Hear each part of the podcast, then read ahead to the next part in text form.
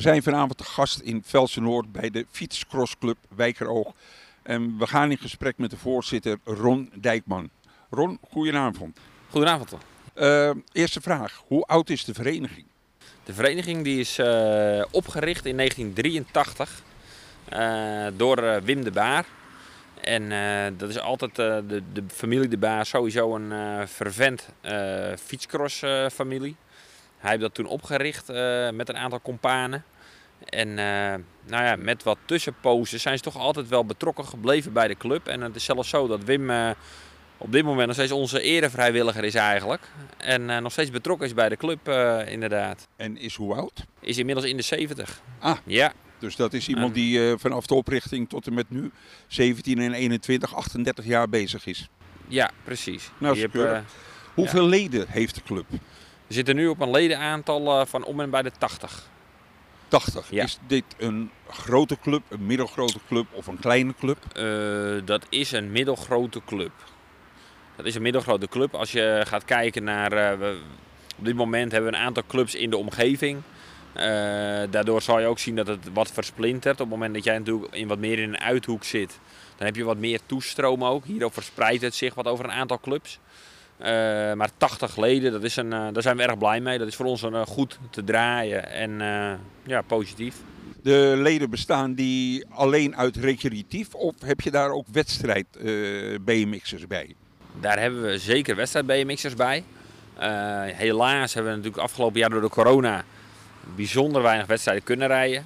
Uh, maar er zijn uh, op, op afdelingsniveau of op landelijk niveau zijn er zeker wedstrijden te rijden. En daar doen we ook hier met de club aan mee. Ja. Hoe ben je de coronatijd doorgekomen? even specifiek, hebben jullie ook de contributie door laten betalen? En hoeveel is de contributie om lid te mogen worden? Ja. Wij hebben, wij hebben de contributie door laten betalen. Ehm, de contributie bij ons bedraagt nog geen 100 euro per jaar. Uh, dat vinden wij gezien de accommodatie die we hier hebben staan, de baan, het onderhoud dat daarbij komt kijken en het kapitaal wat daar toch in zit, vinden wij dat een, een bijzonder bescheiden bedrag. Te meer dat we eigenlijk als club alles op moeten hoesten zelf. we krijgen vanuit de gemeente bijzonder weinig bijval op dat Bijzonder vlak. weinig of helemaal niet? Uh, nou, in het uh, coronatijdperk hebben we wel een, een, een tegemoetkoming mogen ontvangen. Uh, zoals vele clubs, want we hebben natuurlijk ook uit de kantine op het moment geen opbrengsten. Maar ehm, voor het onderhoud aan de baan en dat soort zaken maken wij geen gebruik van subsidies of dat soort dingen vanuit de gemeente. Nee. Als ik bij jullie op de website kijk, dan zie ik daar een groot leger aan sponsors. Ja. In hoeverre ben je daarvan afhankelijk? Eh, in grote mate. Zoals ik al zeg, uh, wij bedruipen onszelf.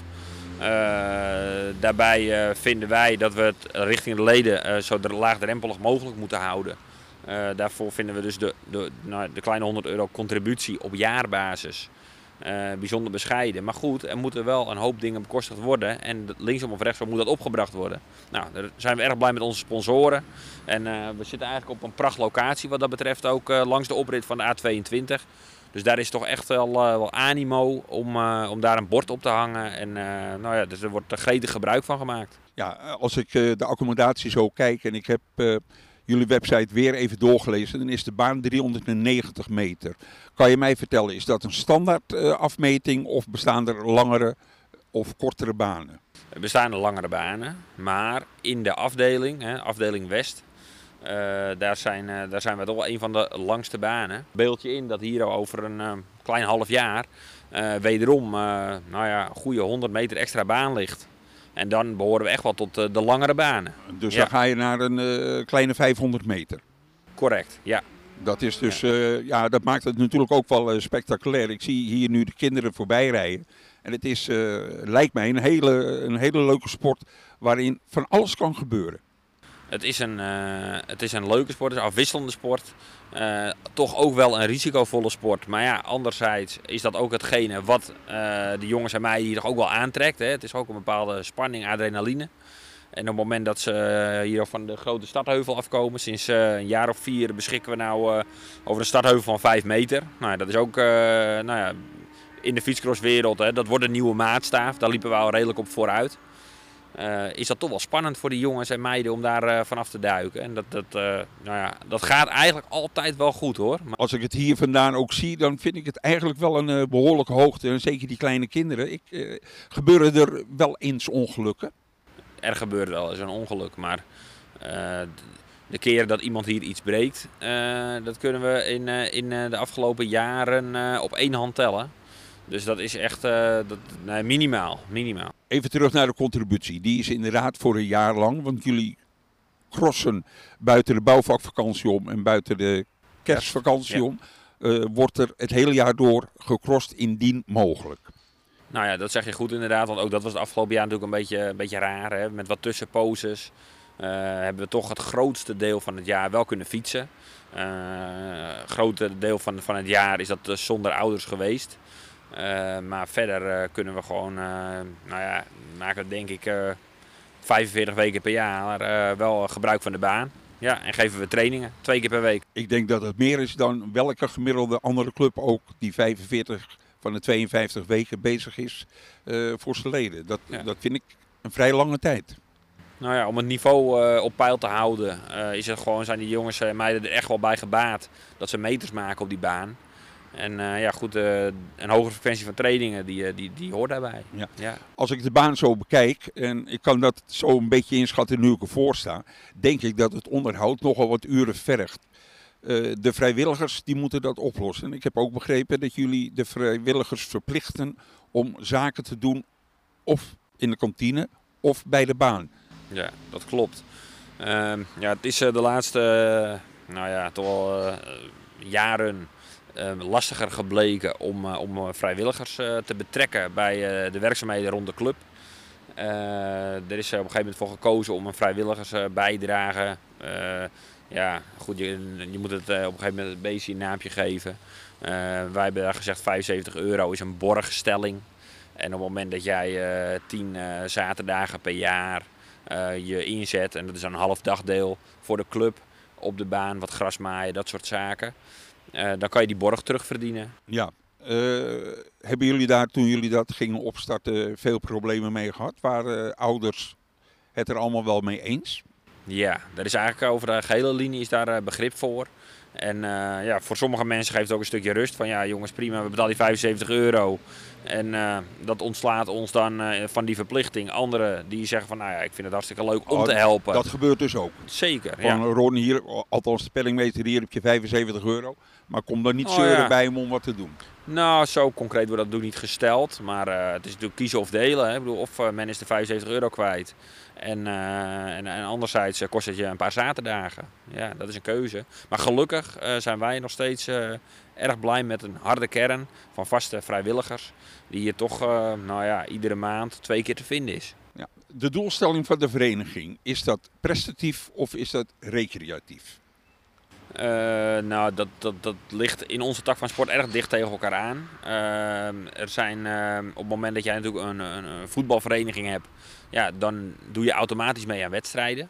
Eh, in de BMX-sport is toch wel nou, semi-individueel, noem ik het maar. Natuurlijk kom je uit voor je club, maar je rijdt zelf. En dan kan je keus maken of je meedoet aan wedstrijden, afdelingswedstrijden, nationale wedstrijden. Jullie selecteren niet? Nee, nee, nee. Wij geven als club aan dat we het uh, zeer op prijs zouden stellen. Uh, en richting de trainers eigenlijk ook niet meer dan normaal is. Want die staan hier ook twee avonden in de week hun best te doen. Dat je op een gegeven moment ook meedoet aan competities. Uh, maar we, nee, we verplichten rijders niet om mee te doen met wedstrijden. Oké, je hebt het over de trainers. Die zijn natuurlijk heel belangrijk.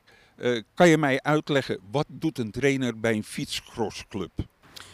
de trainer bij een fietscrossclub die verzorgt uh, eigenlijk het, bij ons dan twee keer in de week uh, tussen half zeven en negen uur s avonds de wedstrijd. De, tenminste de training moet ik zeggen. dan letten ze in eerste instantie op een aantal onderdelen tijdens zo'n training. dat wil zeggen de starthektraining. dan gaan ze, het starten is een heel belangrijk onderdeel van het fietsen. dus als je start niet goed is, ja, dan kan je dat in de rest van de wedstrijd niet meer goed maken. Dus daar wordt heel erg op gefocust. Die start goed is. Nou, dan op een gegeven moment dan is het uh, de techniek over de heuvels. Uh, het uh, nou ja, in, de, in, de tak van sport bekende achterwielen. Je probeert eigenlijk snelheid te houden zonder heel hard te hoeven trappen. en dan zal je zien dat ze dan op hun achterwiel eigenlijk net even die extra snelheid pakken op het moment dat ze een heuvel afdalen. Uh, en ja, we proberen zeker met die kleintjes altijd af te sluiten met een spelletje. Dat vinden ze toch hartstikke leuk. Dat blijft het leukste. Ja. Uh, we gaan de grootste promotieclip in augustus krijgen. Dat is ook de enige keer, moet ik je eerlijk zeggen, dat ik Viescross uh, bekijk. Dat zijn de Olympische Spelen. Heb je het idee dat door Olympische Spelen dat je dan weer een aanwas krijgt aan nieuwe leden? Nou, het geeft zeker een impuls uh, wat dat betreft aan de interesse voor de sport. Dat, uh, dat is een ding wat zeker is. We hebben de afgelopen jaar echt wel gezien uh, dat er in die zin een stijgende lijn zat in het ledenaantal. Het aantal aanmeldingen, nieuwe aanmeldingen. wij doen hier proeflessen, iedere maandagavond. Open dagen? ja, die zijn afgelopen jaar bijeengeschoten, logischerwijs. Ja, maar we hebben ieder jaar rond april hebben we een open dag. Dan kunnen leden, nieuwe leden kennis maken met de club, kijken of, of het ze ligt. Um, ja, wellicht dat we dit jaar nog een keer later in het jaar iets op dat gebied organiseren als de mogelijkheden dat toelaten. Maar tot die tijd zijn er sowieso proeflessen. Kan je voor aanmelden. Iedere maandagavond. Uh, als we dan een groepje hebben, hebben we drie, uh, vijf proeflessen. En dan na die vijf proeflessen dan kan je kiezen van nou, ga ik ermee door of uh, ja, is het toch niet helemaal mijn ding. Dus dat is redelijk vrijblijvend. en dan kan je even kennis maken met de, met de sport. We hebben het over de contributie gehad. Die vind ik heel laag. Maar als ik dan verder kijk uh, en ik kijk naar de equipment, uh, de, de spullen, de fiets en uh, de helm en, en het pak wat men aan moet, daar zitten nog wat bedragen in. Ja, nou daar heb je gelijk in. maar ook dat is iets dat, dat, dat kan je zo gek maken als je zelf wil. op het moment dat je voor een gebruikte fiets gaat, dan kan je voor 300, 400 euro een mooi fietsje kopen. Uh, op het moment dat je een nieuwe uh, fiets met alle toeters en bellen, uh, letterlijk en figuurlijk, aanschaft, ja, dan loopt dat gerust in de papieren. Maar op het moment dat jij begint met die sport, dan hoeft dat niet zo ver te gaan. En ja, qua equipment, kleding, broeken, ja, dat dien je natuurlijk wel voldoende bescherming uit te halen. En daar hebben we wel als club ook onze voorschriften voor, omdat veiligheid in die zin natuurlijk ook voorop staat. Ja, 100%. en dat is met een helm, een pak, ja, de, ook daar zal je ongeveer 100, 150 euro voor kwijt zijn als starter. Ja, alles bij elkaar kan het dus oplopen. Maar er is ook de mogelijkheid tot het huren van fietsen hier, heb ik uh, begrepen.